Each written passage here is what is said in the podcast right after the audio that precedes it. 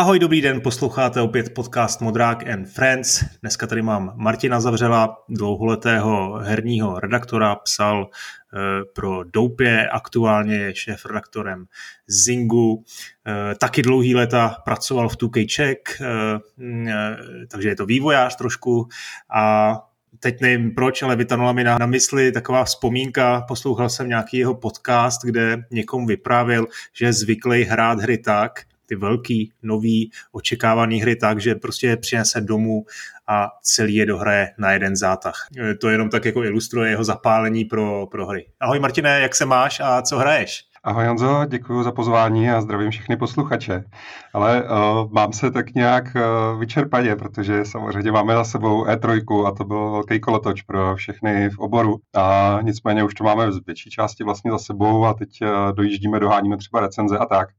A já momentálně vlastně uh, hraju uh, Final Fantasy ten uh, Intergrade, tu zlepšenou mm-hmm. verzi pro PlayStation 5 a hlavně samozřejmě to, ten nový DLC, který tam přidali mm-hmm. s tou mhm. postavou Jeffy. A je to, je to uh, hodně zajímavý vlastně tím, že zase jako dál posouvají tu hranici toho, jak, jak ten příběh vlastně upravili oproti té původní hře. Ale tady hmm. ještě mezi tím vždycky se aspoň na hodinu po nocích vracím do Returnalu, a, kde se snažím dozbírat ty poslední a vlastně ztracené nahrávky a tak dále, že jsem slíbil našim čtenářům, že udělám velký rozbor příběhu, jelikož si to podle mě určitě zaslouží. A, hmm. Ale abych ten rozbor mohl udělat, tak právě potřebuju pozbírat úplně všechny collectibles, ve kterých jsou a, ty střípky toho příběhu. No. Takže lovíš platinku? To samozřejmě, no, tam mě chybí jedna trofej no, právě za, ten, za, za ty collectibles. Tak to bude v případě Returnal to bude určitě velký, velký úlovek, eh, to už je úplně mimo, mimo moje chápání, ale výborně, eh, to ti přeju samozřejmě tenhle, tenhle lov. Eh, prosím tě, tak určitě tu E3 musíme trošku probrat i, i z pohledu toho, jak se nám letošní ročník líbil. Já jsem si tě pozval hlavně proto, že bych s tebou chtěl probrat budoucnost té trojky, protože ten letošek byl takový hodně nestandardní, specifický, možná možná v něčem naznačil, kam by se E3 mohla eh, ubírat. A, a možná na, na, na tohle konto probereme i obecně eh, vlastně situaci v herních médiích, která se, eh, protože jsme oba dva, dá se říct, veteráni, píšeme nebo žijeme prostě v těch médiích v podstatě dvě dekády, minimálně teda v mém případě určitě ty asi taky už, tak jsme svědky taky velkých změn, ať už se to týká internetu nebo vůbec nějakých proměn eh, k, směrem k influencerům, eh, YouTube, Twitchi a, a podobně. Tak uvidíme, co z té diskuze eh, vzejde, ale nejdřív mi řekni teda, jak ty hodnotíš je trojku a tak to je strašně zajímavý. Tam byla že spousta konferencí, velká část z nich vůbec nebyla součástí samotné trojky, a byla prostě jenom separátně v podobném termínu. Takže já nevím, jak to jako vnímáš, když se řekne E3. Já si tak nějak jako sugeroval, že to jsou vlastně všechny ty konference, které se jako udály a které byly během, během toho týdne. No já mám za to, že právě ty konference, které byly jakože těch jednotlivých firm, já nevím, prostě Gearbox nebo uh, Capcom nebo tak, takže hodně z nich bylo přímo jako zanořených v tom oficiálním streamu na tom E3 kanálu, jo, takže hmm. uh, přestože působili jako já nevím, samostatné věci těch vydavatelů nebo vývojářů, tak vlastně jako zapadaly do, tý, do toho obsahu ty E3 a pak samozřejmě ty, které teda nebyly, tak aspoň byly víceméně načasovaný, tak nějak jako souběžně. Takže já to celý jsem to taky vnímal jako jeden prostě čtyřdenný, čtyřdenní vlastně monolit.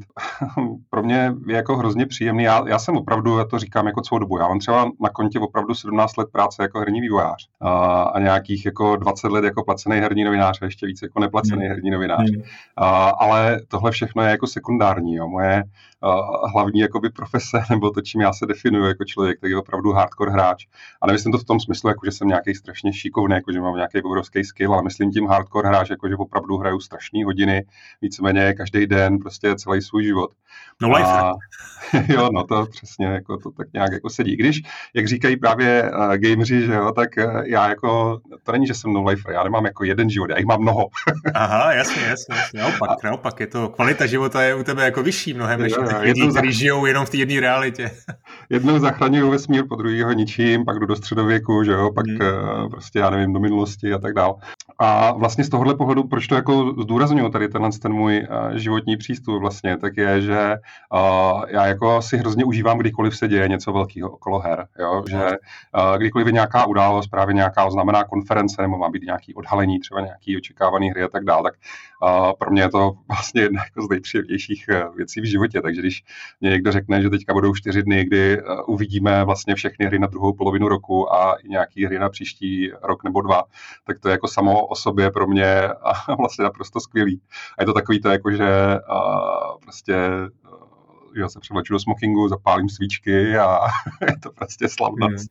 Hmm. Hmm. Dobře, tak to přeháním. Ale jako opravdu se na to jako hodně připravuju a hodně to prožívám. To, to chápu, takový ten, taková ta příprava a teď, teď prostě pustili ten film, prostě ty úvodní titulky a teď najednou začal ten děj a, a co, líbilo nebo nelíbilo? No a tím právě jsme se jako snažil si trochu připravit půdu, že samozřejmě já jsem lečený, jo? protože aha, aha. prostě to byla jako uh, kanonáda opravdu ukázek z her, z nich některý uh, byli jako nejenom, si myslím, objektivně jako velmi očekávaný a velmi si hráči přáli, aby je viděli, tím samozřejmě narážím na Elden Ring, ale hmm. třeba pro mě osobně jako obrovská událost i Halo, jo? protože já jsem s tou sérií do nějaký míry jakoby vyrůstal opravdu. A jsem tu hru sledoval ještě dřív, než měla vůbec být pro Xbox když to byla ještě PC strategie. a strašně jako prožívám nejenom tu hlavní sérii, ale veškerý ten lore jako v těch knížkách a tak dále. Mm. To je opravdu jako jedna ze sérií, který jsem propadl úplně na doraz. A já jsem měl hrozný strach tady o, tu, o ten nový Halo Infinite, protože to zavánělo nějakou jako podivnou epizodickou live service jako divností a hlavně mm. z toho, co jako ukazovali vlastně do teďka, tak tam vůbec jsem necítil návaznost na ten, na ten minulý příběh, jo, který přitom opravdu napříč těma hlavníma číslovanýma dílama jako docela zajímavě gradoval, zvlášť pokud jde o Cortánu. a oni vlastně na té E3 nejenom, že tu hru teda ukázali a že vypadá líp, ale právě co mě jako udělalo obrovskou radost, tak tam ukázali a jakým způsobem řeší tu Cortánu a ten, tento navazování toho příběhu. A mě to jako hrozně se mě to líbilo, hrozně mě to překvapilo. Je to vlastně dokonalý v hmm. rámci toho, že oni se snaží nějak jakoby restartnout vlastně všechno. Takže já jsem, já jsem si tam jako našel věci, ze kterých jsem byl jako naprosto nadšený a pouštěl jsem si je furt do kolečka. Uh, jo, třeba hodně se o mě ví, že já jsem obrovský fanoušek Hideo Kojimy, takže ve chvíli, kdy on řekl, že bude nějaký direktor z Dead Stranding, tak hmm. jako uh, to, že on chce něco přidat k tomu příběhu, je pro mě jako obrovský lákadlo. Jo. Takže já jsem si to hrozně moc jako užil, a byl jsem s tím vlastně spokojený, ale nijak nepopírám to, že některé ty konference byly slabší než jiný, nebo některé ty show prostě byly slabší než jiný. A naprosto chápu, že eh, spousta hráčů, kteří nejsou takový blázni jako já, takže byla do nějaké míry zklamaná. Já myslím, že jako můžeme jít i trošku dál. Některé ty konference byly vysloveně jako tragický. Eh, narážím na Koch, narážím na Capcom, který, který opravdu jako nepředvedli v podstatě nic. Nevím, jestli, jestli vůbec mělo smysl pro takovéhle firmy jako dělat nějakou konferenci, když věděli, že nemají co ukazovat, je to prostě podle mě trošku e, jako kontraproduktivní vůči novinářům, vůči jejich času e, i vůči vlastně hráčům. No zrovna ten Koch, to je opravdu jako strašně zajímavý případ, protože oni udělali docela jako super věc, že ještě vlastně týden před tím, než ta trojka začala, a to bylo hnedka v pondělí vlastně toho týdne, kdy pak o víkendu to začínalo celý, tak oni udělali tu show vlastně jenom jako interně pro novináře. Jo? Byly tam jako hodně přísné podmínky a na nějaké jako NDAčko a tak dále, udělali tu show jenom pro novináře. A byla taky docela jako dlouhá, měla nějaký snad jako dvě, dvě a půl hodiny, a, ale byla úplně jiná v tom smyslu, že tam skoro vůbec nemluvili a jenom ukazovali ty hry, že jako měli předchystaných spoustu právě videí, které pouštěli a vždycky pustili jako dlouhý video z té hry, byť třeba byla jako hodně rozpracovaná a pak k tomu dali PowerPointový slide se základníma informacemi. To byla úplně mm. perfektní prezentace. Jo. To bylo opravdu, že prostě, mm. jak se říká, jako show don't tell, tak vlastně nonstop ti ukazovali, jak ty hry vypadají a, a k tomu vykládali teda o čem jsou a pak ti jako vždycky dali jako jenom ten slide s těma zhrnujícíma informacemi, jako kdy to vychází, jaký platformy a tak. A to byla jako vlastně dost perfektní show. Sice měla jako technické problémy taky, ale jako obsahově to podle mě bylo super. Ale potom, když vlastně udělali tu veřejnou, tak to je kdyby úplně otočili, že ty ukázky no, tam no. skoro nebyly a místo toho jenom mluvili. A to teda doteďka mě jako hlava nebere, jak se to mohlo stát, jako proč, proč to stalo. Nebo takhle, já mám jako teorii, ale nechtěl bych, aby to vyznělo nějak, jako nechci být já jsem strašně nerad jako nějak zlej nebo negativní nebo toxický nebo tak, jo, ale, ale možná je to tím, že je pravda, že hodně těch ukázek, co nám jako ukazovali, tak bylo poznat, že to nejsou žádný jako dema, ale že to jsou opravdu hry, které jsou třeba ani ne, ani ne jako alfa, jo, že to je nějaký jako proof of concept, prostě build, kde jako strašná spousta věcí chybí nebo nevypadá dobře. Tak možná proto třeba i na to dostali právě nějakou zpětnou vazbu od těch novinářů v průběhu toho týdne mezi tou ukázkou, tou show pro novináře a mezi tím, než byla ta mhm. veřejná, tak si prostě řekli, OK, nebudeme to riskovat, nebudeme ukazovat ty hry, když ještě jako nevypadají dostatečně dobře. To by možná vysvětlovalo mm. to, co se stalo. No. Úplně z podobného soudku je jako Bandai Namco, který svůj jako největší, největší želízko v ohni nechalo, nechalo eh, na konferenci jako vlastně jinou a, a samo udělalo speciální konferenci na titul uh, House of Ashes, který si myslím, a ještě to byla poměrně dlouhá konference, který si myslím, že jako nikoho extra nezaujal. A vůbec tady z proporce toho, že Elden Ring vlastně který měl co říct, ukaz, no se za stolik se to neřeklo, ale četl jsem potom nějaké jako rozhovory a informace a dost to nebylo úplně málo, takže dalo se něco, něco ukázat. A ten House of Ashes je vlastně třetí díl eh, takový adventurní série, která, jako přiznejme si, eh, asi jako díru do světa neudělá, i když jako svý, svý samozřejmě publikum má a dokáže některý hráče eh, potěšit, ale vlastně u té E3 celkově je potřeba ten přístup trošku jako regulovat i v tomhle smyslu, jo, v tom fanouškovství, že nejde jenom jako bez hlavy ukázat, co teď právě mám a, a přemýšlet, jako co vyjde za tři, příští tři měsíce, ale je třeba trošku jako strategicky říct eh, a jako regulovat to očekávání hráčů a napětí, bych řekl. Jasně, no, pokud jde o to Bandai Namco, tak jako zaplať pámbu, to fakt jako uh, obrovský jako by štěstí, nebo tak, že oni sice jako pozdě, ale přece jenom před tou samotnou show, tuším nějak, já nevím, jestli třeba 10-12 hodin před tou show, tak řekli, že tam jako nebude nic jiného než to House of Ashes, protože samozřejmě my jsme, že jo, stejně jako jiný herní magazíny, tak my jsme měli na webu nějaký rozvrh, kde jsme měli jako kdy jaká show bude probíhat a měli jsme k tomu vždycky aspoň jako stručně jednu větu, co se od té show čeká.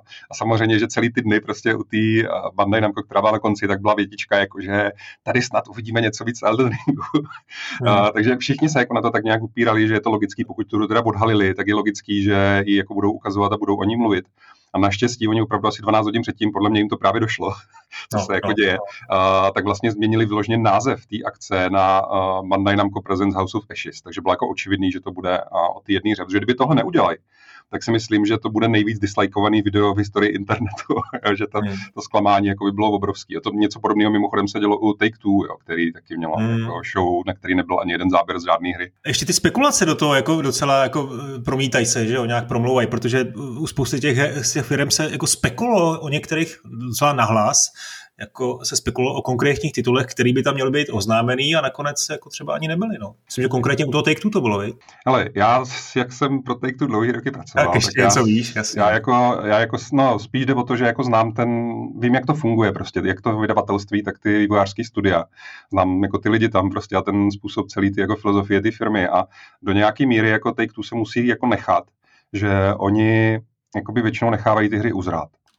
V tom smyslu, že když ta hra prostě nestíhá termín, nevypadá dost dobře a tak dál, tak oni sice jako kolem toho samozřejmě udělají divadlo a je to třeba nepříjemný, ale jako prodlouží třeba ten vývoj o půl roku, o rok, protože eh, nechtějí riskovat, že nějaký jako drahý projekt, který do něho spoustu toho nainvestovali, tak vyjde jako v nedobrým stavu. Jo. Takže hmm. já si jako upřímně myslím, že ty věci, o kterých se jako by ví, že na nich dělají, a, takže hold jako nejsou úplně ve stavu, aby oznamovali, nebo třeba jsou v takovém stavu, ale a, nejsou si jistí, do kde zvládnou dodělat, jo? protože oni můžou mít třeba super jako jednu část té hry, a, ale dodělat ten zbytek a, si nemusí být jistí, jestli bude na dva nebo na tři roky. Jo? A všichni v herním průmyslu se myslím docela poučili, že je jako vhodný neoznamovat hru příliš dlouho dopředu, že jsou z toho jenom, jenom trápení. Jo. Takže, hmm. takže tam zřejmě jako došlo, došlo k něčemu takovému. A jenom, uh, abych nezapomněl, se jenom rychle zareagovat, že to House of Ashes, já bych to nepodceňoval, jo, protože hmm. uh, fanoušků jakoby hororů je hodně, ta série je poměrně uh, úspěšná, ty Dark Pictures. A zrovna tady tenhle ten díl fakt vypadá jako jeden z nejlepších. Jo. Já, to je pravda. To je uh, pravda. Sám jako v redakci jsem pozoroval jako ty nadšené reakce vlastně kolegů a i jako uh, ta čtenost těch článků tom byla dost vysoká, tak takže... No, jako ten jasný... námět, ten, promiň, eh, že ti skáču do řeči, ale ten námět je úplně jako eh, několik klik jako vejš než, než ty předchozí dva díly, že? to je pravda, no. To vlastně... No, tak už jenom tím, že vlastně si to jako inspiraci bere ve Třelce dvojku, že jo. Prostě vojenský komando ztracený v nějakým a, jako cizáckým prostředí, kde jsou nějaký příšery a, a, a tak dále. Oni sice mají jenom pět postav, jako vždycky, protože ta hra je možno vlastně jí hrát až v pěti hráčích, takže to je nějaký jako jejich kredo, že vždycky mají pět hratelných postav, ale zase té série se musí nechat, jako ne taková hodně filmová, že oni každou tu postavu hmm. hodně propracují, takže jako a to, že jich není víc, jako by vynahrazují tím, že ty vztahy a ty interakce těch postav jsou fakt zajímavý. No. A plus ještě, kromě toho, že to má teda tady ten prvek, že to jsou moderní vojáci v současnosti, někde tuším, že to je Irák 2003 nebo něco takového, který hledají nějaký biova zbraně a propadnou se do podzemního labirintu, kde narazí na nějaký podivný příšery, tak ještě navíc ten labirint je celý vlastně zasvěcený tomu démonovi Pazuzu, což je zase exorcista, že jo, taky jako klasický horor. Mm. Že to je hmm. vlastně spojení takových dvou jako hodně jako kultovních filmů a oni se za to vůbec nestydí. Jo. Oni vlastně, když dělali tu prezentaci, tak jim tam přímo ukazovali jako obaly nebo plagáty těch filmů, prostě Aliens a Exorcista. A říkali, jo, to, jo, jsme, jo, si jako, to jsme si jako půjčili. já musím říct, já jsem tu nadšení, který si ty prožíval, jako asi možná teda u každé té konference, tak já jsem ho docela prožíval u Nintendo a to zejména proto, že Nintendo mě jako velmi příjemně překvapilo. Nečekal jsem, že, protože mluvilo se o tom, že oznámí tituly především eh, plánovaný na letošní rok, 2021, což znamená, že zejména teda s tím, s tím spožděním kvůli pandemii, který jako v Japonsku asi nedělal velkou paseku, tak jsem toho moc ne, neočekával. A, a tohle, jako vlastně to, co jsem tam viděl, tak to mě nadchlo. Metroid, o tom se tak jako napůl spekulovalo, ale Advance Wars jako to je parádní překvapení, který si myslím, že už nikdo nečekal, nedoufal ani po těch dlouhých letech. A bylo toho víc, bylo toho víc, bylo tam jako Mario Party OK, ale uh, WarioWare, že, uh, a tak dále. No. A, a, a, pak ta Zelda nova. No Nintendo bylo super, jako určitě. Já jsem třeba, co pokud jde ty Advance War vlastně, tak uh, já jsem viděl takový ty, jestli to znáš, jak na Twitteru lidi dělají takový ten prayer circle, že udělají jako ty ikonky Aha. z těch svíček a doprostřed napíšou to, co by si přáli. Tak Aha. jako já jsem ty Advance War jako viděl na tom Twitteru naskakovat před tou show, jo, že rozhodně na to lidi nezapomněli a pořád to chtěli, takže to jako uh, to Nintendo moc dobře vědělo, co dělá, podle mě. Ale jinak jako z mýho pohledu, samozřejmě, když pomineme Maria, což je jako tutovka, a, tak prostě uh, Nintendo opravdu definují ty další dvě značky Zelda a Metroid. A víceméně jako cokoliv, co se kolem tady z těch dvou značek jako šustné, tak uh, stojí za pozornost. Jo. Nemluvím o tom, že konkrétně ta Breath of the Wild je jako z mnoha, z mnoha úhlů pohledu. Je to, já ani nevím, jak to pojmenovat, jakoby je to jedna vlastně z nejvíc v vozovkách next gen her jako naší mm. třeba téhle dekády. V tom smyslu, že oni neskutečným způsobem jako mě připadne posunuli vlastně a nějakou jako stylizaci a audiovizuální výpravu, protože od té doby ten styl jako kopírují prostě horem spodem úplně všichni. A zároveň jakoby posunuli to, jak vlastně může fungovat interaktivita v otevřeném světě, protože snad žádný jiný otevřený svět neumožňoval takovou jako svobodu pohybu a zároveň tak neskutečný jakoby fyzikální interakce vlastně různých jako předmětů a, a kouzel a nepřátel a zbraní a všeho možného, že jako a ten Breath of the Wild je prostě naprosto výjimečný. No. To je, když bychom se bavili o tom, jestli existují desítkové hry, tak tohle je prostě jedna z her, pro kterou ani ta desítka jako není dost dobrá. To je prostě mm. úplně jako mimo jako veškerý, veškerý jako měřitelné hodnoty. Takže to, že jako ukázali byť jako jenom nějakou minutu a něco z toho pokračování, tak samozřejmě uh, tím v podstatě by nemuseli dělat nic jiného a měli by to jako v kapse. Jo. Ale a tím, že ukázal ještě toho Metroida, což teda mimochodem a zase smálek zvíře, když vlastně všichni jsme čekali, že teda uvidíme Metroid Prime 4 a místo toho jsme uviděli Metroid, pra, Metroid 5. jo, to bylo zvláštní ten titulek tam, jako, to byl jaký, jako skoro bych řekl, jako uh, úlet skoro ne, nebo... No ne, oni, no, oni jako se snažili trochu vygradovat tu prezentaci, že jo, protože oni nejdřív napsali jako Metroid a teď ty no. jako si říkal, no jasně, tak to je ten Prime a teď na něm za ním neskočila ta pětka a to by začal pracovat mozek jako moment, co to jako znamená. No, no, no právě. A, a ono, ale, ono ale jako to dává velký smysl, protože vlastně ty uh, klasický 2D Metroid hry uh, z té série, uh, z nich ta poslední vyšla někdy snad před 19 lety, tak oni byli opravdu čtyři, jestli se nepletu.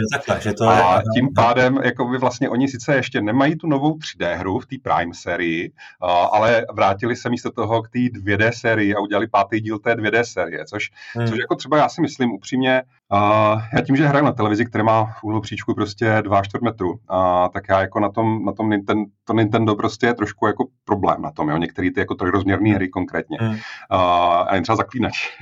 vlastně. A uh, naštěstí ty jako oficiální hry Nintendo jsou tak právě stylizované, že tam to jako nevadí, jo, třeba Pokémoni nebo tak, tak jsou super. Mm. Ale uh, hrozně mě právě z tohohle důvodu vyhovuje, že vlastně udělali toho nového Metroida 2D, protože vím, že ten na tý, jako i na té obrovské televizi bude vypadat jako úplně skvěle. Jo, já třeba mám hroznou slabost pro vodu ve videohrách, myslím si, že to je jako z nejlepších eh, grafických efektů, co se jako dá udělat. A to, jak ukazovali právě, jak se tam postupně zaplavuje, ta základna, tak jako vypadalo hmm. skvěle. A ještě hmm. navíc, ta hra se nemenuje Dread, Metroid Dread, jen tak pro nic za nic, protože oni tím naznačují, že ona bude strašidelnější než ty minulý Metroidy. Oni vždycky byli jako sci-fi horor, ale a, samozřejmě, co fungovalo před 20 lety, nefunguje už tolik dnes. Ale tady to je, že vyloženě tě nahání jakoby prostě roboti, kteří jsou nesmrtelní a ty před nimi musíš utíkat tak, jak třeba přes, před mistrem X v Resident Evil, což je, hmm. což je prostě super super, já se na to strašně těším. No. A jenom kdo, kdo to dělá, to si pochytil, kde to vzniká přímo Nintendo v, v tom nějakém studiu nebo, nebo někoho najali? Jo, tak to bych, to bych kecel, to si to, to dělali no. nedávno. To taky je, to si musíme zjistit. No. Já jako osobně uh, Metroid je jako 2D, zejména série, pro mě jako jedna z takových stěžejních uh, sérií. Těším se i na tohle. No, jak vlastně čekáš na Switch 2? Nebo co si, co, si, co si ty myslíš o tom, jak dorazí Switch 2? Protože jestli dorazí, to se asi už spekulovat nemusí, ale kdy si myslíš, že k tomu dojde? Protože já si pořád myslím, že to jako letos asi ne, neudělají. no my jsme vlastně v Zing podcastu, tak jsme na začátku roku s Martinem Schovancem uzavírali sázky právě, jak, jak jako, co se stane tenhle rok ve hrách. Uh, a já mám pocit, že se tam právě jako dost vehementně říkal, že ten Switch Pro je naprostá tutovka.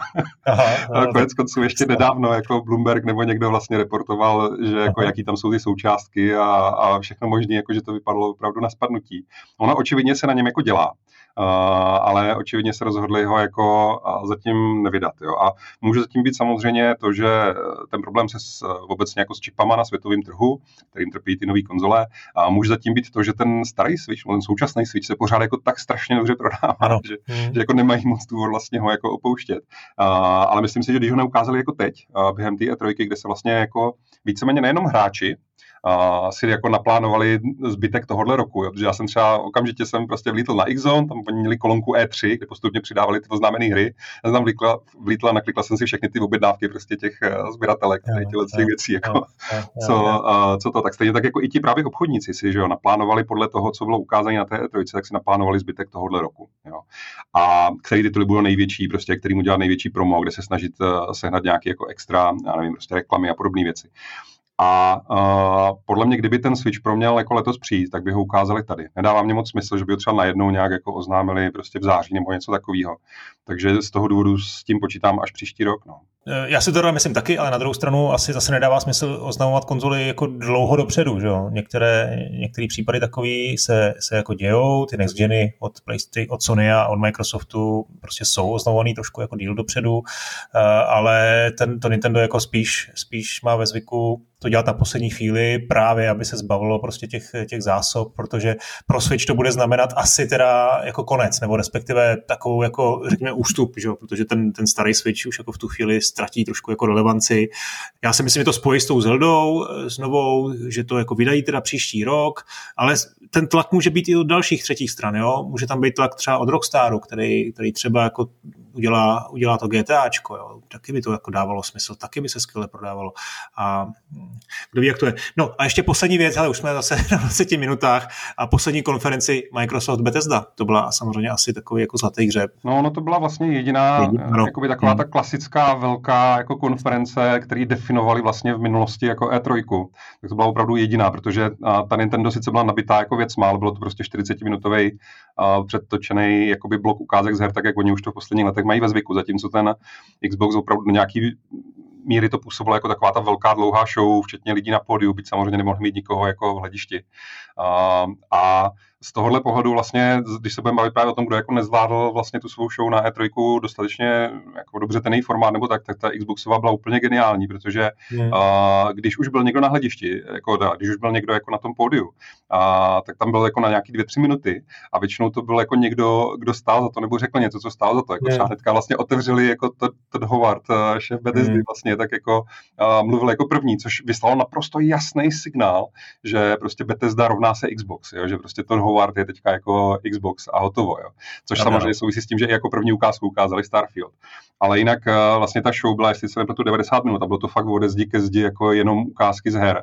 Byť tam něco byly samozřejmě zase takový ty klasicky mm, předrenované trailery a tak dál. Ale to jedno, prostě bylo to jako skoro non-stop kanonáda ukázek her, takže takový to, hmm. čím vlastně, uh, jak to když fanboy z těch jednotlivých konzolí, jo, tak to s čím dlouhou dobu operovali prostě ti fanboy z těch jiných konzolí, kteří říkali Xbox nemá hry, Xbox nemá hry, tak si myslím, že jim muselo hodně sklapnout jako po téhle show, jo, že bylo vidět, že těch her má hodně a navíc tuším 27 z těch 30 her uh, bude, bylo jako oznámený, že bude od prvního dne v Game Passu předplatným. Hmm. Hmm. Bylo ti líto, že tam nemůžeš být? Přece jenom eh, já jsem na E3 byl mnohokrát, nepočítal jsem to teda možná sedmkrát, osmkrát, možná i víckrát a vždycky jsem si hrozně užíval, ta možnost zahrát si ty hry, setkat se s těmi vývojářem a to je takový už kliše, nebudu to už nějak dlouho opakovat, ale jenom při pohledu na, na, tu, na tuhle konferenci jsem si vzpomněl na to, jak jsem tam seděl v tom sále, eh, jak tam nastoupil prostě Kínu, eh, jak všichni z toho byli úplně uvařený a myslím si, že vlastně na to ani nemusela být úplně, že bych ani nemusel sedět tam a jenom vidět to, že něco se děje takhle prostě před hledištěm plným fanoušků, eh, novinářů, prostě lidí nadšených z toho, že můžou sledovat takovýhle, takovouhle velkou událost, že to tomu trošku jako přece jenom uškodilo. No tak jasně, hele, já na E3 jezdím vlastně pravidelně od roku 2005. Uh, myslím, že jsem snad žádnou, možná nějakou jednu jsem někde vynechal nebo tak, ale byl jsem třeba i 2019 vlastně na té poslední hmm, jako hmm. in-person, co byla.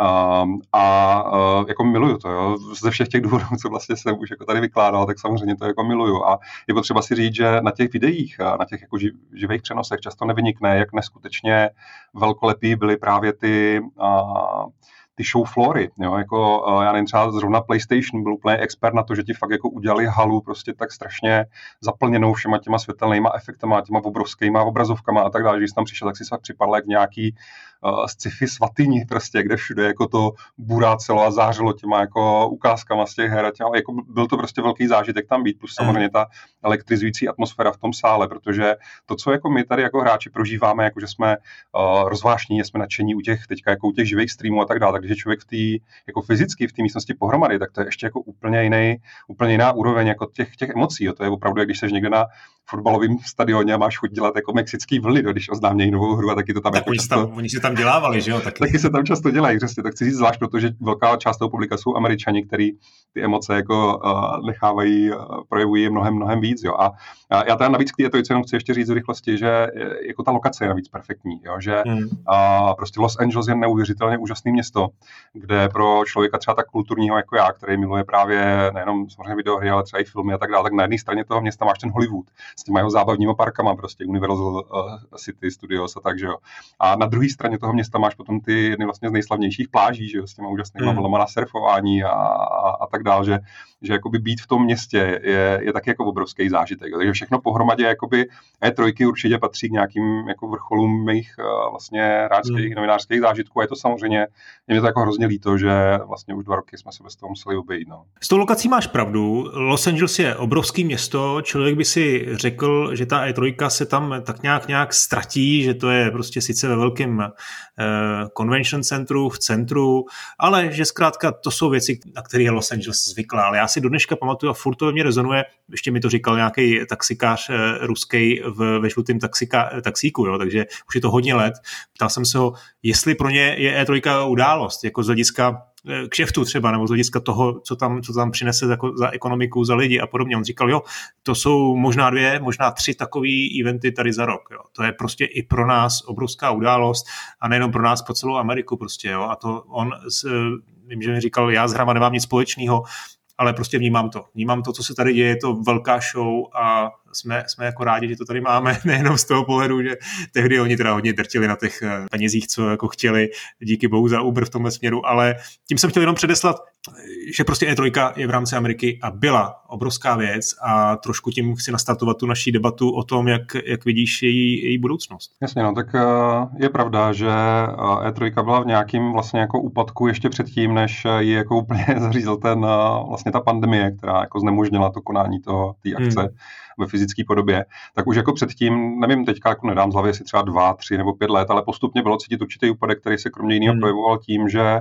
od tamtud odešli některý ty vlastně největší vystavovatelé a udělali hmm. si jako svou show třeba ve stejném termínu, ale prostě někde jinde, aby nemuseli jakoby platit právě ty poplatky a tak dále. A vlastně ale potom teda nebyli přítomní na tom, ani na tom showflooru, nejenom jako, že neměli a, hmm. pod, ní vlastně konference, ale neměli ani ty svoje hry na tom a, showflooru, kde, že E3 jsou jako dvě věci. Jsou to takový ty velký nádherný budovy, do kterých si sedneš na tu konferenci a pak je to ta opravdu ta jako obrovská hala toho výstaviště, kde jenom chodí, že všude jsou tam stánky s těma hrama, tak jak ostatně jako veletrhy vlastně fungují hmm. i i třeba u nás. A takže tam jako nějaký úpadek byl patrný vlastně uh, už takhle. A pro mě třeba osobně ještě kromě tohohle mnohem větší problém byl, že oni tam ve snaze nějak jako podle mě uh, to kompenzovat jako finančně, tak oni tam začali v čím dál větší míře v těch posledních letech pouštět vlastně veřejnost. Hmm. Jo? A dokonce, uh, dokonce takovým způsobem, že ta veřejnost tam tuším mohla jakýkoliv den, akurát třeba o hodinu později nebo něco takového. Jo? A hmm. já teda zase, já strašně nechci být zlej, ale prostě poznáš, že tam je jako nějaký, jak kdyby kultivovaný novinář, který je tam prostě pracovně a snaží se nějak jako má to zorganizovaný, naplánovaný, domluvený a nějak tam jako funguje a snaží se být třeba i ohledu plný těm svým kolegům a je takový jako a přátelský prostě a tak dále. A poznáš, že tam prostě naběhnou nějaký úplně jako random hráči, který, některý jsou super, ale některý jsou vyloženě jako, já nevím, jo, agresivní, protivní, prostě dělají tam jako nepříjemně prostě a tak. A je to jako hrozně to, hrozně to jakoby kazí tu atmosféru tím, tím spíš, že uh, se jich tam jako navalí hrozně moc.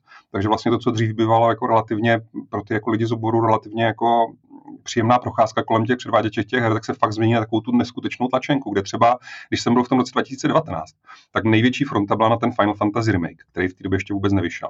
A to byla opravdu fronta, která začala třeba hodinu před otevřením výstaviště, tak začala, že už byla jako kilometr dva dlouhá fronta jako před tím výstavištěm.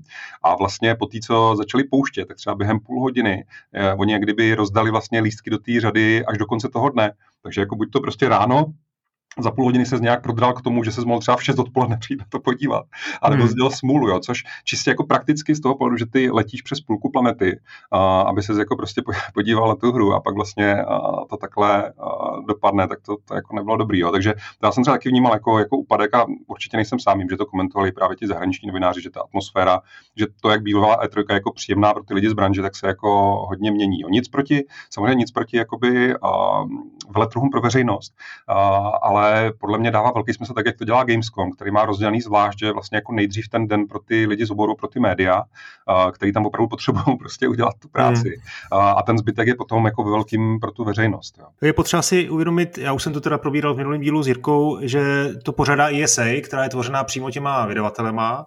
To je jedna věc, to znamená, zajímalo by, zajímalo by mě, kde vzniklo to rozhodnutí pustit tam tu veřejnost, jestli s ním ty vydavatelé nebo ty sami vystavovatelé souhlasili, nejspíš to tak muselo být, ale co je vlastně tady, tady pro tohle mnohem důležitější je, že podle mě E3 vznikla původně nikoli kvůli médiím, eh, její role byla eh, zejména kvůli, kvůli retailu. Eh, jako byli to obchodníci, distributoři a, a všechny tyhle ty lidi, kteří potřebovali v půlce roku si naplánovat ty Vánoce, naplánovat si, které hry mají vzít do svých obchodů, vpustit do svých regálů, který, který mají propagovat, se kterými se vydavatelé vlastně mají nejvíc dohodnout.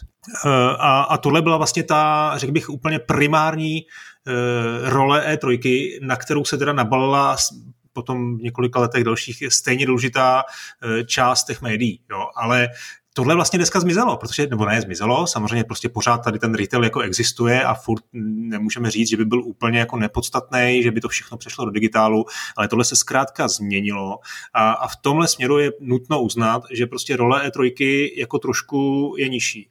A pak je tam ještě ten jeden aspekt a to je to, jaký, jakou mediální publicitu, řekněme, v rámci Severní Ameriky vlastně E3 způsobí a jestli to, že, že tedy si ti vydavatelé budou vytvářet ty konference po svém, ve svých termínech, jestli to jako vlastně není ústup jestli, jestli to nebude jako horší, jo? že sice oni budou mít absolutní kontrolu, bude ten spotlight jako na ně, na ně namířený, řekněme ty dva dny nebo, nebo, nebo i, ten, i ten jeden večer, bude si mluvit opravdu tu chvíli jenom o jejich hrách, ale jestli to, že tady vlastně nějaká E3, která je symbolem herního průmyslu a najednou se mluví ten týden opravdu jenom o hrách, tak jestli to nemělo jako větší sílu. Já si tím opravdu jistý nejsem a skoro bych řekl, jako že, že by byla škoda o E3 přijít. no, to určitě, no. Ale já si myslím, že pro ty obchodníky to funguje furt stejně. Jo? To naprosto souhlasím s tím, co říkal, že to původně byla jako show pro obchodníky a to podle mě je pořád. Jo? Pokud vím, tak oni tam jako pořád jezdí a pořád tam mají. Že ještě E3, kromě toho, co jsem popisoval, tak má ještě jako právě pavilon, který je jenom jednání za zavřenýma dveřma, kde přesně Jasně. prostě se řeší tady tyhle ty, jako, ty obchodníci. Jo? Ne, já jsem, já jsem, promiň, já jsem to myslel tak, že, že vlastně to, co jak se E3 mění a směřuje směrem k onlineu, eh, že to je důsledek toho, že ten retail už jako nepo, dneska taky nepotřebuje ten retailer opravdu jako přijet, přijet, eh, přijet prostě na, na ten show floor za prvé a za druhý jeho význam toho retailera, toho, toho člověka z Walmartu nebo z GameStopu je přeci jenom, co si budeme povídat, mnohem nižší, než byl eh, na konci 90. let. Že? S tím asi jako úplně nevím. Já si myslím, že jakoby uh, fyzický prodeje her jsou jako pořád, uh, pořád dost silný na to, aby byly jako klíčový pro ty velké pro ty velké firmy, jo. ale uh, jako samozřejmě sledují ten nástup toho digitálu. Pokud jde o to, uh, pokud jde o to, jakoby o ten přechod k těm uh, online show a tak dále, tak já si myslím, že jako je pravda, já jako právě jako člověk v médiích to vidím jako z první ruky, jak hrozně se hmm. jako celý fungování naší společnosti, jako lidský civilizace, jak se přelívá do té digitální sféry, jako čím dál víc a jak to jako hrozně dopadá na všechny sféry, ale zároveň si myslím, že jako obrovská pravda, že pořád jsme jako lidi, jo. A že jako lidský kontakt prostě uh, z očí do očí prostě ve fyzické podobě uh, přece jenom jako nic nenahradí, jo, nebo hmm. nahradí ho samozřejmě všelijaký ty, uh, já nevím, videočety a, a online streamy, já nevím, co všechno to jako do nějaký míry to nahradí, ale ne tak dobře. A zvlášť, když se budeme bavit třeba právě o nějakým jako obchod, obchodování, tak je určitě jako stonásobně účinnější, uh, když se prostě ty dvě strany, které mají nějakým způsobem vydávat, jedna setkají jakoby živě. No, tam jako spousta studií, že, který jako, uh, že psychologové jakoby rozebírají, jak hrozně moc vlastně signálů vnímáš na druhém člověku, když ho vidíš jako na vlastní oči úplně celého od hlavy k patě, že já nevím, tou verbální, tu verbální komunikaci vlastně, že ona tvoří jako spíš menší procento a víc toho jako vnímáš těch věcí jako z toho člověka uh, neverbálně. Jo. Že já si myslím, že pořád jakoby ta hodnota, zvlášť pokud je o ty obchody, jako setkat se osobně, tam, tam je a že je jako nezanedbatelná a že by byla jako velká taktická chyba od ní upustit. Jo. A to je jako vyloženě praktický nějaký aspekt toho, ale pak je ještě ten, já nevím úplně jak to popsat, jakoby ten právě jako lidský nebo komunitní, kde vyloženě snad všichni novináři, co jsem jako viděl na těch sociálních médiích a tak dál, tak naříkali jak loni, tak letos, že jim hrozně chybí setkávání s těma kolegama a s těma jejich oblíbenýma vývojářema, se kterými měli dlouhý roky skvělý vztahy a vždycky se těšili, že se jednou za rok na nějaký tady tyhle show jako hmm. uvidějí a, a pozdravějí se a tak dále. Jo, že a, tohle, tohle je podle mě je to jako podceňovaný aspekt. Jo. Jasně, že všechno jako převízt do onlineu, ale něco se tím ztratí a dřív nebo později nám to začne jako hrozně chybět. Jo. Nikdo z nás podle mě nevydrží jako být do nekonečna zavřený v nějakém digitálním světě a potřebuje prostě kontakt s lidma. A, a třeba pro ty lidi jako z oboru, jako jsou právě třeba ty novináři nebo tak, tak si myslím, že je jako hrozně důležitý být v nějakém kontaktu s těma lidma, kterých se jako týká ta jejich práce. No. no, bohužel k tomu přišla ta pandemie, která tyhle věci, eh, řekněme, změnila i nejenom, nejenom v případě E3, ale v případě obecně mezilidských vztahů a komunikace na všech, na všech úrovních eh, a doufám jenom, že se to změní, ale ale jak teda vidíš, eh, vidíš budoucnost té trojky? Jasně, no já si myslím, že to do nějaké míry teďka jako vyhodnocují vlastně všichni, jo, že to není věc, která je v téhle chvíli jako rozhodnutá, že právě i ti herní vydavatelé a výváři se na to teďka jako dívají, jak ta E3 proběhla a přemýšlí nad tím, protože třeba loni vlastně E3 se taky o něco jako, nebo ta organizace ESA se taky o něco jako pokusila, no to jako hmm. úplně hmm. tragický. A ještě předtím, když oznamovali ty plány na to, jak právě má ta E3 vypadat a mluvili o tom, jak to bude jako nějaká show influencerů a co si kde si, tak se z toho jako všem dělalo špatně, že to znělo jako nějaký velký uh, reklamní, nebo jako znělo to hrozně nepříjemně jako pro, pro normální jako hráče a tak dál. A, takže jako to vypadalo, že právě všichni jako od toho postupně dávají ruce pryč, že to jako nepotřebují, že je to zbytečně drahý, že to jde dobrým směrem prostě. A, ale myslím si, že ta letošní E3 právě, že opravdu se jako do nějaký míry a nad tím jako zamysleli v té organizaci a opravdu to udělali poměrně jako dost dobře v rámci možností. A, a když jako pominu to, že někteří vydavatelé neměli co ukazovat a tak, tak jako by v rámci možností to opravdu udělalo takový ten dojem toho jako čtyřdenního velkého show, kde se opravdu všichni, co aspoň trošku nějak souvisejí s hrama, tak se opravdu na ty čtyři dny jako zastavili a upřeli svou pozornost tímhle směrem. Jo. A my třeba na Zingu jako na webu, tak jsme fakt pozorovali jako trojnásobný nárůst těch návštěvnosti i čtenosti. Jo. Trojnásobný. Jo. To, jsou, hmm. to jsou jako docela šílený čísla. Jo. A jako drželo to. Jo? Nebylo to, že jako ti lidi přišli si jenom třeba pro novinky z konference Xboxu nebo tak. Začalo to jako uh, zhruba den předtím a doteďka to vlastně trvá, jo? že ještě lidi dohánějí hmm. těch, já nevím kolik, prostě desítek nebo stovek jako no. článků, co jsme, co jsme z toho vydali, že jako je patrný, že se jim jako povedlo opravdu udělat jako koncentrovaný, koncentrovanou herní událost, která jako přitáhla pozornost celého světa. A z tohohle pohledu si myslím, že ti právě vývojáři, vydavatelé, tyhle ty entity, na kterých to vlastně závisí teďka ta budoucnost, a jestli budou chtít součástí trojky a tak dál, a, tak si myslím, že to možná jako přehodnotí, jo? Že, a, že na tou E3 ještě nezlomí hůl a že to nějakým způsobem příští rok bude buď to v podobné formě jako teď, anebo pokud to bude jako opravdu už a, fyzicky, takže se to no. jako pokusí o návrat aspoň do toho stavu, jakým to bylo v roce 2019, který nebyl perfektní, a, ale byl pořád jako dost dobrý.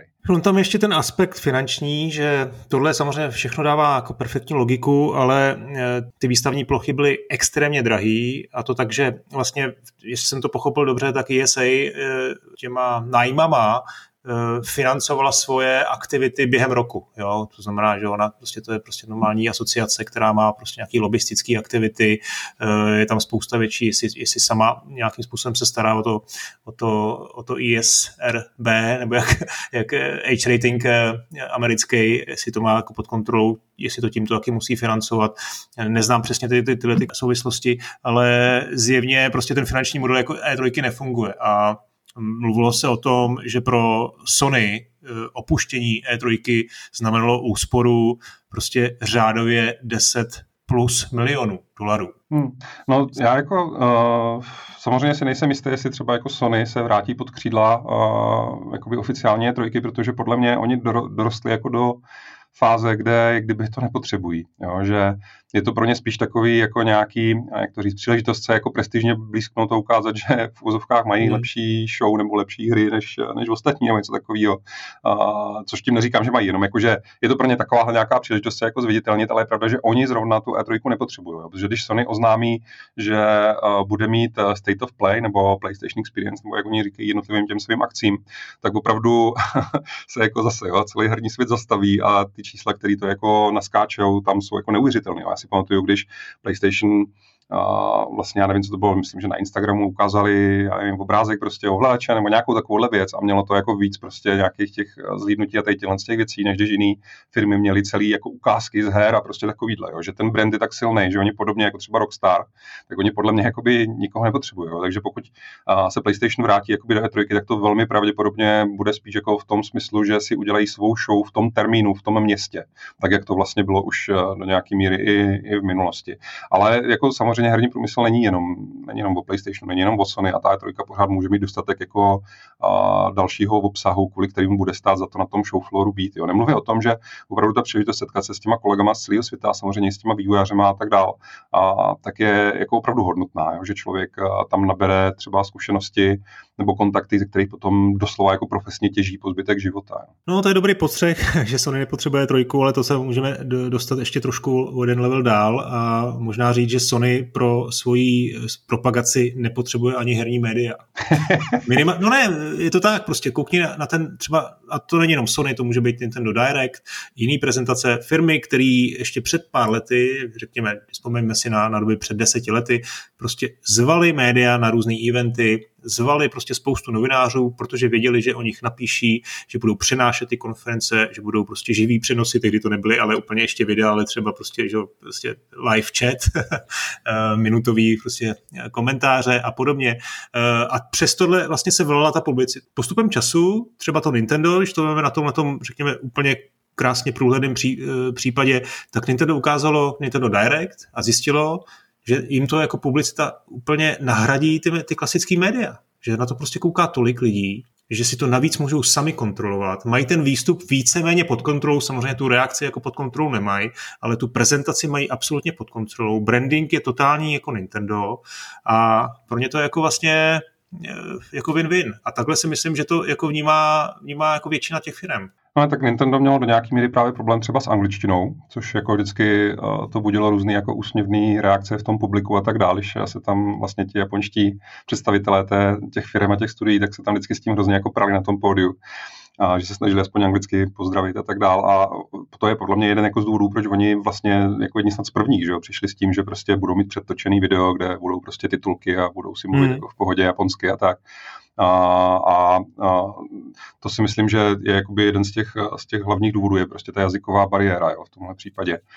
A, a já zase jako ta, ta role těch novinářů podle mě není jako jenom právě přijet na nějakou jako konferenci nebo show a pak oni jako spravovat, ale já spíš jako vnímám, že navzdory tomu, co ti jako řekne vlastně každý uh, hráč z ti řekne, že herní novináři jsou už jako přežitek a že jako mnohem víc věří svýmu oblíbenému já nevím, youtuberovi nebo streamerovi nebo uživatelským recenzím, nevím, na Steamu, na Metacritic prostě a tak dále, že herní novináři to už je jako zastaralý koncept a oni jsou všichni zaprodaní, podplacení a, a já nevím jaký prostě a tak, ale ve skutečnosti společnosti.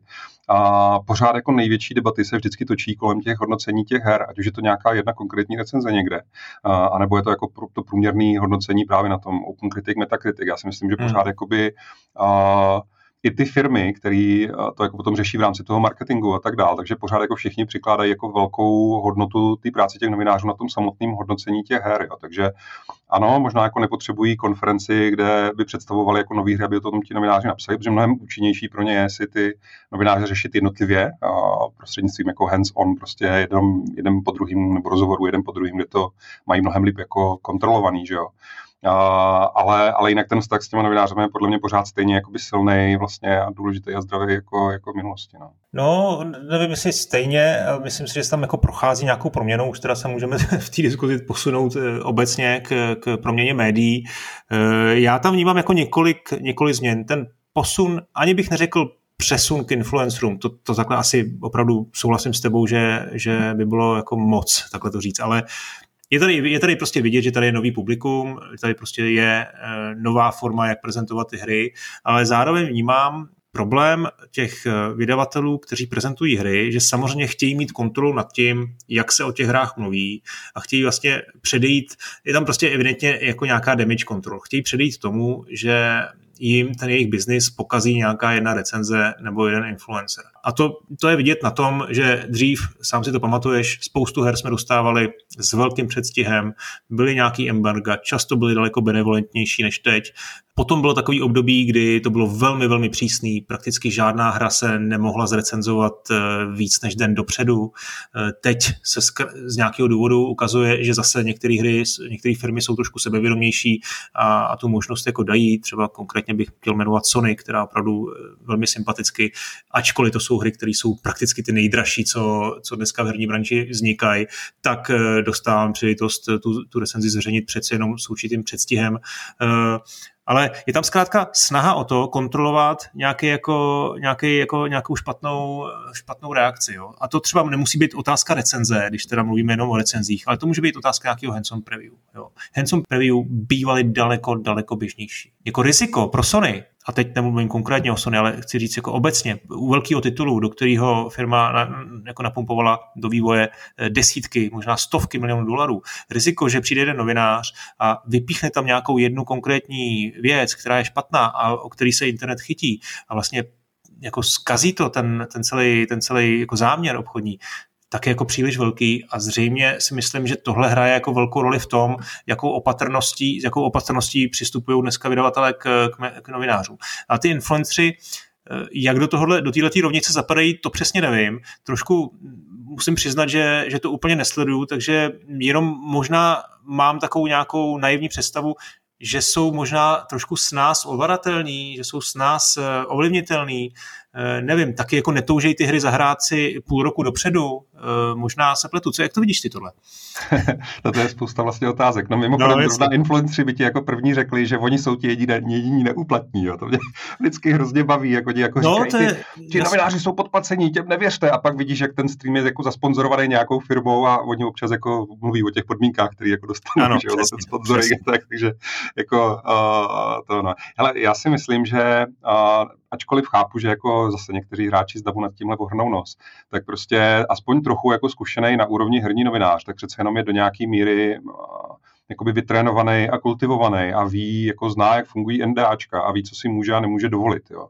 Má třeba jedna z věcí, co my vlastně se naučíme jako první, tak je, že když hra není hotová, když jako dostaneš vlastně se k nějaký jako preview verzi nebo tak, takže není jako féry přehnaně kritizovat, protože ta hra není hotová.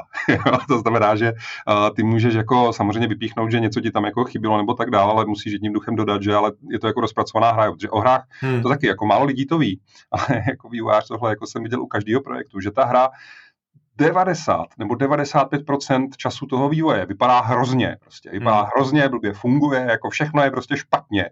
A pak jak takový nějaký jako kouzlo, samozřejmě to není jako kouzlo, jo? ale jak, jak kdyby zázrakem se jako v té poslední míli se to všechno jako uh, sejde, zaklapne a tak. Jo? To je třeba jako kromě jiného je to z toho důvodu, že uh, já nevím, uh, ty optimalizace jo? nebo renderer nebo tady tyhle ty věci, uh, tak celou dobu jako pracují na novější a novější a novější verzi a nemá smysl, aby všichni se jako zastavili a snažili se to jako sladit a udělat perfektně někde uprostřed nebo tři čtvrtinách vývoje, jo? protože by je to hmm. všechny jako zbytečně zdrželo a stejně se to za další měsíc celý zase změní a museli by to překopávat. Takže ta hra hrozně dlouho jako vypadá špatně a funguje špatně.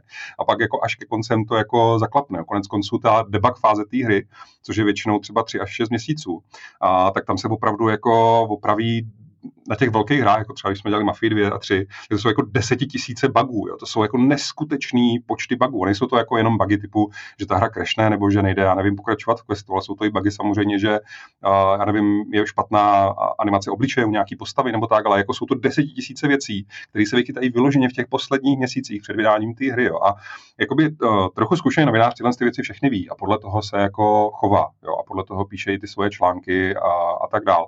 A myslím si, že ty influenceri právě Uh, z, z mého pohledu je to tak, že hodně těch nejúspěšnějších influencerů staví na tom, že právě, ty, jak to říct, že jsou hodně lidoví. Jo. A uh, jsou takový jako hodně, jak to pojmenovat, jako přirození, prostě jako utrhlá pusa, prostě řeknou, co je napadne a tak dál. A samozřejmě s tím se jako pojí, že právě spoustu tady těch věcí třeba nevezmou v potaz a jsou trochu jako nefér jo, v tom, hmm. tom zhodnocení těch. Já třeba se mě strašně zklamalo, nechci jako jmenovat, ale uh, viděl jsem prostě českého streamera, který uh, streamoval právě ten returnál a vlastně dohrál jako dvě třetiny příběhu a pak už jako se mu nechtělo, tak tu zbývající třetinu si přečetl někde prostě na internetu nebo si pustil na YouTube, jako co se tam stane a pak to jako na základě toho řekl, že ten příběh je blbost, jo. ale přitom hmm. si to neodehrál spoustu věcí tím jako minul, jo. Hmm. Že, že, tohle je třeba věc, kterou jako, jako novinář jakoby ví, že prostě musí tu hru jako dohrát, aby ji mohl zhodnotit, nemůže jako si někde zeptat kolegy, prosím tě, jak se to líbilo tobě, je tam něco ještě na konci, o čem bych chtěl napsat, nebo tak, to prostě hmm. takhle nefunguje, že prostě. Zase potřeba říct, že ten influencer nemá žádný etický kodex a ani, ani se to od něj nečeká. Je to prostě hráč, který, který tu hru hraje a streamuje pro, pro ostatní diváky a novinář přece by měl jako fungovat podle trošku jiných principů. Jenom jsem tohle chtěl dodat, jinak samozřejmě jo, s tím souhlasím. Jasně, no, hele, jak se to vezme, že oni sami si právě často stěžují, že dostávají ty hry vlastně na to streamování až třeba jako den před vydáním nebo něco takového, že to nedostávají tak jako dopředu, jak ti novináři, ale to s tímhle s tím samozřejmě jako souvisí, protože od toho influenca se opravdu nečeká, že tu hru smysluplně zhodnotí, jo, jako z pohledu toho uh, vydavatele. Jo. Z pohledu toho vydavatele se čeká, že on prostě bude hrát a bude to zábava, takže jiní lidi se na to podívají a řeknou si to vypadá dobře a ten uh, můj oblíbený influencer se o toho dobře baví, tak to si chci taky zahrát, jo. což je úplně hmm. podle mě jiný účel, než jaký mají právě jakoby herní novináři a jejich jako a preview nebo recenze. Dobře, tak já vidím, jak, jak vidím, tak eh, ty uh, pořád si myslíš, že tady místo pro novináře herní je. Jaký vidíš uh, výzvy pro ně teď? No, strašně důležitý, co chci jako říct, je, že samozřejmě vnímám, že se jako stírají ty hranice mezi herníma novinářema a influencerama. Jo? Úplně nejlepší příklad vlastně tohohle toho je můj snad jako nejoblíbenější recenzen na světě, uh, Skill Up. Uh, australský vlastně docela jako mladý, mladý kluk, který začal prostě tím, že na YouTube uploadoval svoje videa s názorama na Division, jedničku a postupně jako vyrostl vlastně v obrovského jako youtubera, který eh, opravdu dostává ty hry na recenze ten třeba klidně měsíc dopředu, tak jak normální novináři. Jo. A to je hmm. právě ono. Jo. On není jako novinář, nedělá žádný herní jakoby, magazín, on má prostě svou jakoby, svůj brand, svou značku, je to jako jeden člověk, který vlastně funguje primárně na YouTube, ale jeho jako um, zaměření je opravdu hodnotit hry, recenzovat hry a dělá to tak dobře a má takový čísla a ty recenze mají takovou jako vyloženě kvalitu, že i ti vývojáři a vydavatelé k němu přistupují úplně stejně jako k herním novinářům. Jo, ale je to prostě uh, mladý kluk na YouTube. Jo. Čímž chci jako naznačit, že právě to rozdělování mezi ty jako herní novináře a ty influencery se prostě stírá. Tak takovýhle případy, hmm. jako je, jako je Skill tak bychom jich našli samozřejmě mnohem víc. Jo. A uh, do budoucna, nebo už teď vlastně z toho důvodu má smysl jako říkat uh, prostě recenzenti. Jo? Hmm. Uh, protože ten recenzent opravdu může pracovat pro nějaký eh, klasický jako magazín, který má redakci a, a vydavatele a tak dál, a nebo to fakt může být takhle jako jeden kluk před kamerou na YouTube, ale dělá tu práci tak dobře, že to jeho slovo má stejnou váhu jako z těch velkých redakcí. No, no a když se teda ještě jednou vrátím k té své otázce, jakou vidíš výzvu dneska pro nás, jako pro online novináře, nebo pro, pardon, pro herní novináře, někteří nejsou úplně online z nás? To, tu výzvu vidím vlastně stejnou, kterou jsem viděl, když jsem začínal. Jo. Celou dobu jako vidím tu stejnou výzvu a to je, že stejně jako v každém jiném oboru a ten craft, to, to umění prostě, ta mm. profese pořád jakoby evolvuje. Pořád tak, jak jsou ty hry čím dál jako složitější a, a pestřejší a tak dál, a, tak i jakoby ta, ta schopnost jako je hodnotit a psát o nich prostě a analyzovat je a všechno, tak jako se zvedají ty nároky na ně. Jo. Prostě zrecenzovat, já nevím, osmibitovou hru byl úplně jiný challenge, než prostě dneska mm. zrecenzovat mm. hru s nějakým filozoficko-historicko-psychologickým přesahem prostě, mm. jak, jak některé ty hry jako to, to umějí, že jo. Takže, takže jakoby ta hlavní výzva pro novináře podle mě je pořád jako stejná celý ty roky a to je, že prostě musíš žít s tou dobou, musíš jako sledovat všechny ty platformy podle mě, nebo jako vidím v tom velkou hodnotu, že sleduješ jako co nejvíc platform, co nejvíc žánrů, snažíš se opravdu jakoby mít co největší přehled o tom, co kde prostě je a co s čím jako souvisí. A samozřejmě jako lidsky, jako jednotlivci, a nikdo z nás není nikdy hotový, že jako tak a teď píšu nejlíp na světě a líp už nikdy psát nebudu. Jo, já když se podívám na svoje rok starý články, tak si jako rvu vlasy a říkám si, že jsem byl fakt takový debil, to bych to napsal jako mnohem líp dneska. Mm. a, a, a, takže to takže jako taková jako přirozená, přirozená vlastně jako evoluce a růst, která tam ale podle mě byla jako vždycky. Jo. A pak samozřejmě, když se budeme bavit třeba o tom, já si vždycky na konci měsíce dělám jako analýzu, kdy se snažím si vytáhnout všechny čísla nejenom herních magazínů v Česku, ale i právě všech jako influencerů a tak dále. Snažím se jako podívat, kdo měl třeba největší úspěch s jakým tématem a tak dále. Jo a uh, je tam jako vidět strašný nepoměr, ale strašný nepoměr mezi těma číslama, co třeba na YouTube jsou schopní udělat klasický herní magazíny a co jsou tam právě schopní udělat ty influenceri. Hmm. Jo, že to je, to je jako určitě pro ty herní magazíny je to výzva, protože na jednu stranu Uh, my samozřejmě i ty naši jako uh, ti vydavatelé, kteří nadávají ty hry, tak od nás chtějí tu službu, že jako by mluvíme k těm, co si tu hru opravdu koupí. Jo, hmm. co když se budeme bavit v České republice, tak jsou to třeba desítky tisíc u těch největších titulů, desítky hmm. tisíc jako českých hráčů. Jo. A, ale ten influencer jako těma s tím svým dosahem mluví jako klidně ke 100 tisícům jakoby lidí. Ale zase já jako vím, že to jsou lidi, kteří si rozhodně jako všichni tu hru nekoupějí, takže nemají zase takovou jako hodnotu uh, pro, toho, pro toho vydavatele. Jo. Takže, uh, ale jako štve mě to. Jo. Samozřejmě mě jako štve, že uh, vlastně jako mnohem víc lidí se jde podívat na to, uh, jak nějakou hru prostě hraje jako influencer, než uh, jak ji jako zhodnotil uh, hmm. prostě herní novinář, ale to je jako to je taková, já nevím, to je možná až skoro kdyby taková jaká hloupá jako závis nebo tak. Jo. Hmm. Ale my jsme teď jako doteďka vlastně mluvili celou dobu o, o tom rozdílu mezi, mezi uh, herníma novinářema a influencerama z jejich vlastního pohledu, ale nikoli z pohledu těch uh, té cílové skupiny, to znamená těch konzumentů, těch hráčů. Jo. A ty jsi mi říkal předtím, než, jsme, než jsem spustil natáčení, že jsi byl součástí redakce Zingu, nějaký tvůj kolega psal diplomku o vztahu hráčů a recenzentů proměně Aha. během 20 let. Můžeš teda, to mě, to mě hrozně jako fascinuje. Tak eh, co bylo vlastně předmětem té diplomky a k čemu došla? Tam jenom teda zmíním jeho jméno, ať uděláme za dost. Je to Andřej Pártl, vlastně to je jakoby zástupce šéf redaktora na Zingu. A mladý, ale strašně talentovaný, hlavně strašně pracovitý kluk, který opravdu, to je mě jako, já jsem si s ním sedl strašně moc právě díky tomu, že na něm je vidět, že on přesně ty hry miluje úplně celým svým jako bytím, tak, tak vlastně jak já. A zároveň a on právě má, tím, že jako mladý a začíná vlastně do nějaký míry, tak on má jako hrozně právě takový přirozený respekt vůči těm jako zkušenějším vlastně hmm. novinářům a tak dál. A opravdu bylo vidět, že si to téma vybral jako zcela záměrně a hrozně jako hrozně dlouze mě vlastně spovídal, jak to bylo, když právě startovali herní novináři v Česku, já nevím, Excalibur, že jo, Score a ty, mm-hmm. ty, ty, ty, jako začátky. A, a nicméně jako z pohledu právě té školy a tak dále, tak musel hrozně řešit uh, speciálně jako ten přesně ten, tu proměnu toho vztahu mezi těma hráčama uh, a těma novinářema. Jo. A uh, ten, ta věc, jako na který jsme se tam vlastně nějak zhodli, nebo který jsme se dopracovali, je víceméně do nějaké míry to, co to, co prostě moc dobře víme, že když nebyl internet, tak vlastně herní magazíny, případně právě herní novináři nebo recenzenti, tak byli skoro jak kdyby jediný nějaký smysluplný zdroj vlastně hráčů, jak se jako o těch hrách jako dozvědět. Jo. A uh, bylo to takový, jen čím to přirovnám, bylo to jako, byl tam úplně jiný ten vztah v tom smyslu, že ty novináři byli považovaní za naprosto přirozený autority, už jenom kvůli tomu, že měli přístup k tomu všemu a že to všechno věděli a všechno to hráli. Měli to dohraný jako první, takže tenkrát třeba hrozně běžely ty návody eh, že jo, a tak dál.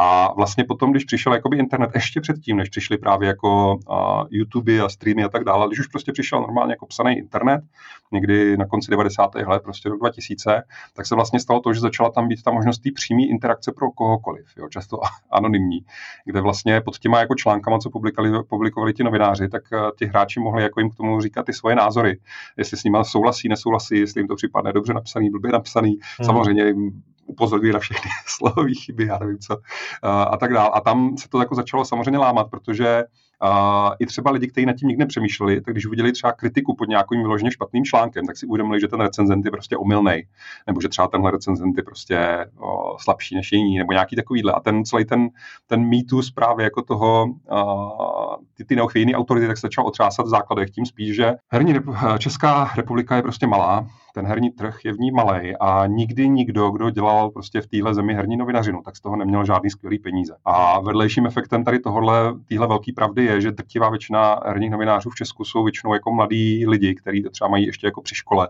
a, nebo v době předtím, než založí rodinu a tak dále, mají to prostě jako nějakou napůl zálibu a napůl nějaký přilepšení a tak. Jo. A velká část samozřejmě výjimkám, které existují, ale tohle je jako nevím, třeba 80% herní novinařiny v Česku. Jo. A, a s, tím, s tím souvisí, že právě ten, ten, ta online interakce tohle do nějaké míry rozkryla, a vlastně jako nabožila tu autoritu a od toho už byl jenom klíček k tomu, a, že na tom internetu třeba i do těch přímo do těch komentářů pod těma článkama ty hráči začali napsat ty svoje názory, které, jako když se to dobře sejdo, ta, seš, sešlo, tak prostě mohly být třeba mnohem jako líp formulovaný, anebo jako mnohem a, silnější prostě, než to, co bylo obsažené v tom článku. Jo. Já nenadarmo říkám, že já jako uh, už 20 let vlastně radši čtu jako diskuze pod článkem, než ten článek samotný. Jo. Že je to pro mě jako hrozně zajímavý a většinou se tam, když to je jako nějaký silný médium a ta diskuze je velká, tak se tam objeví opravdu jako dobře formulovaný, zajímavý názory, který jako když dá víc lidí hlavy dohromady, tak je to často to jako skončí hodnotnější, když jeden člověk se snaží něco řešit z toho svého jednoho pohledu a, a tak. Jo. Takže, takže tam se to jako lámat tímhle s tím stěnou. To už byl jenom kluček k tomu, že vlastně i třeba Zing jako ve svých začátcích tak vlastně publikoval a, čtenářský blogy, což byly víceméně, to byly prostě čtenářské recenze, které byly jako často zase jo, populárnější než ty oficiální. A to už se právě dostáváme potom k tomu, že postupně hráči začali upřednostňovat uživatelské recenze na Steamu, na Metacritic prostě a tak dál. A je prostě určitý docela velký procento hráčů, kterým jak kdyby nevymluví, že hodnocení jiných hráčů je zajímavější nebo užitečnější nebo pravdivější nebo důležitější pro ně a, než to, než to jakoby novinářský. Jo. No, já si myslím, že tam je zaprvé, zaprvé to, že možná to, co po čem dneska hráči jdou, jsou jména, jsou konkrétní lidi, jsou konkrétní recenzenti, influenceri a podobně, než média. Jo. Ten, Samozřejmě pořád tady jsou silný média, zejména v České republice, kde mi přijde na to, jak si zmínil sám, na to, kolik eh, vlastně, jak malá je to země, tak je tady jako obrovský množství různých projektů, ať už opravdu, řekněme, profesionálních s velkým P. Eh, jsou tady dva printové časopisy pořád v dnešní době. Eh, je tady spousta takových polamaterských jako pokusů, který ale vlastně bych rozhodně nějak nezavrhoval, jo, který prostě mají nějakou kvalitu a je zatím vidět nějaká jako snaha. Takže to mě, tohle mě až fascinuje, ale, ale současně si myslím, že prostě tady jsou ty jména, ty lidi eh, a lidi prostě čtenáři a hráči jdou za těma, za těma konkrétníma názorama. A teď je jenom otázka, jestli co oni chtějí je si jenom potvrdit svůj názor, to je to s tou diskuzí, to je to, že jdeš do diskuze, abys tam viděl prostě ty svoje, buď to ten svůj názor, anebo teda nějaký ten úplně jako proti, protichůdný a dal mu ten, ten mínus důležitý, uh, anebo jestli opravdu chtějí, uh, chtějí tu, vlastně tu challenge toho svého názoru, chtějí, chtějí vlastně nějak pro, tu, pro tu svou hlavu nějaký food for thought, jo? rozumíš to, aby měli nějaký něco na přemýšlení, aby, aby pochopili, aha, tak možná, že ten můj můj názor na tu hru. Já často třeba si zahraju hru, dohraju ji, mám na ní nějaký názor a jdu si přečíst recenze a i tu diskuzi pod ní právě proto, abych hledal jako odlišní názory. Kvalitní odlišní názory. Vím, že je tam najdu, že nejsem, že nemám žádnou, jako, žádný patent na rozum a že je prostě přirozený, že, že dneska lidi mají odlišný, odlišný jako přístupy k těm hrám. Jasně, no, tak jako velká pravda, Velká pravda je, že všichni jsme různí, a lidi jsou prostě různí a, a že videohry opravdu jsou umění, ať se to jako komu chce líbí, nelíbí, prostě videohry jsou, dejme tomu, jako hodně z nich jako komerční umění, ale jsou prostě umění a umění je ze své podstaty je subjektivní. To znamená, jako zhodnotit ho objektivně, matematicky, je jako hmm. paradox, je vyloženě paradox prostě. Jo. A, takže jako tím jako reaguju na to, že se dají věci zhodnotit jako dobře i špatně. Ale jinak, co jsem chtěl říct, že vlastně jsme se krásným obloukem dostali dostali k tomu, o čem jsme mluvili předtím. A sice, že i v dnešní digitální době lidi jsou lidi a jako budou přirozeně mnohem líp budou jako reagovat na známou tvář, ke který mají nějaký osobní vztah, než na nějaký jméno, který jim nic neříká. Jo, v dnešní době právě, když jsi zvyklý prostě ty tváře vidět, ať už je to, já nevím, jenom fotka autora někde u článku, anebo v dnešní době právě mnohem častěji nějaký jako streamy, rozhovory, videorecenze a tak dál, a, a u těch influencerů jako úplně, že jo, na doraz, tak prostě ta hmm. tvář je vlastně to, a, na co, na co jako většina těch lidí, těch, těch hráčů reaguje. Já taky, já taky mám jako streamery, který vyloženě si je zapnu, ať hrají cokoliv, protože jsou mě příjemní, prostě rád jako je poslouchám, je mě vyloženě jako příjemný strávit jako eh, čas v jejich společnosti, ještě takhle jako řeknu hmm. virtuálně. A, a je to jako o tom člověku, jo. Není to o tom právě, co on zrovna hraje za hru, nebo co si o ní myslí, s tím já třeba nemusím souhlasit, a, ale prostě mě sedne ten člověk, jo. Takže tohle hmm. právě jako podle mě platilo vždycky a jenom ty moderní nástroje, ty moderní technologie to vlastně umožňují líp vytěžit, než kdy v minulosti. Dobrý, já myslím, Martine, to byla krásná tečka za naší diskuzí. Eh, děkuji za tvůj čas a myslím, že se ještě někdy uslyšíme. Měj se pěkně, čau. Super, taky moc děkuji a, a budu se těšit. Ahoj. Tak to je vlastně už druhý druhý eh, podcast, který jsem věnoval E3 a trošku jsme tam zabrousili eh, do, těch, eh, do té diskuze na téma herních médií a recenzování a hodnocení a podobně. A příště mám, snad můžu slíbit, že zase na řadě bude Viktor, a kterýho se samozřejmě teda na, na Elden Ring určitě zeptám a na jeho dojmy ze Zeldy a dalších her na E3, ale bude to jenom taková okrajovka. Tak se těším zase se všema posluchačema příště. Ahoj.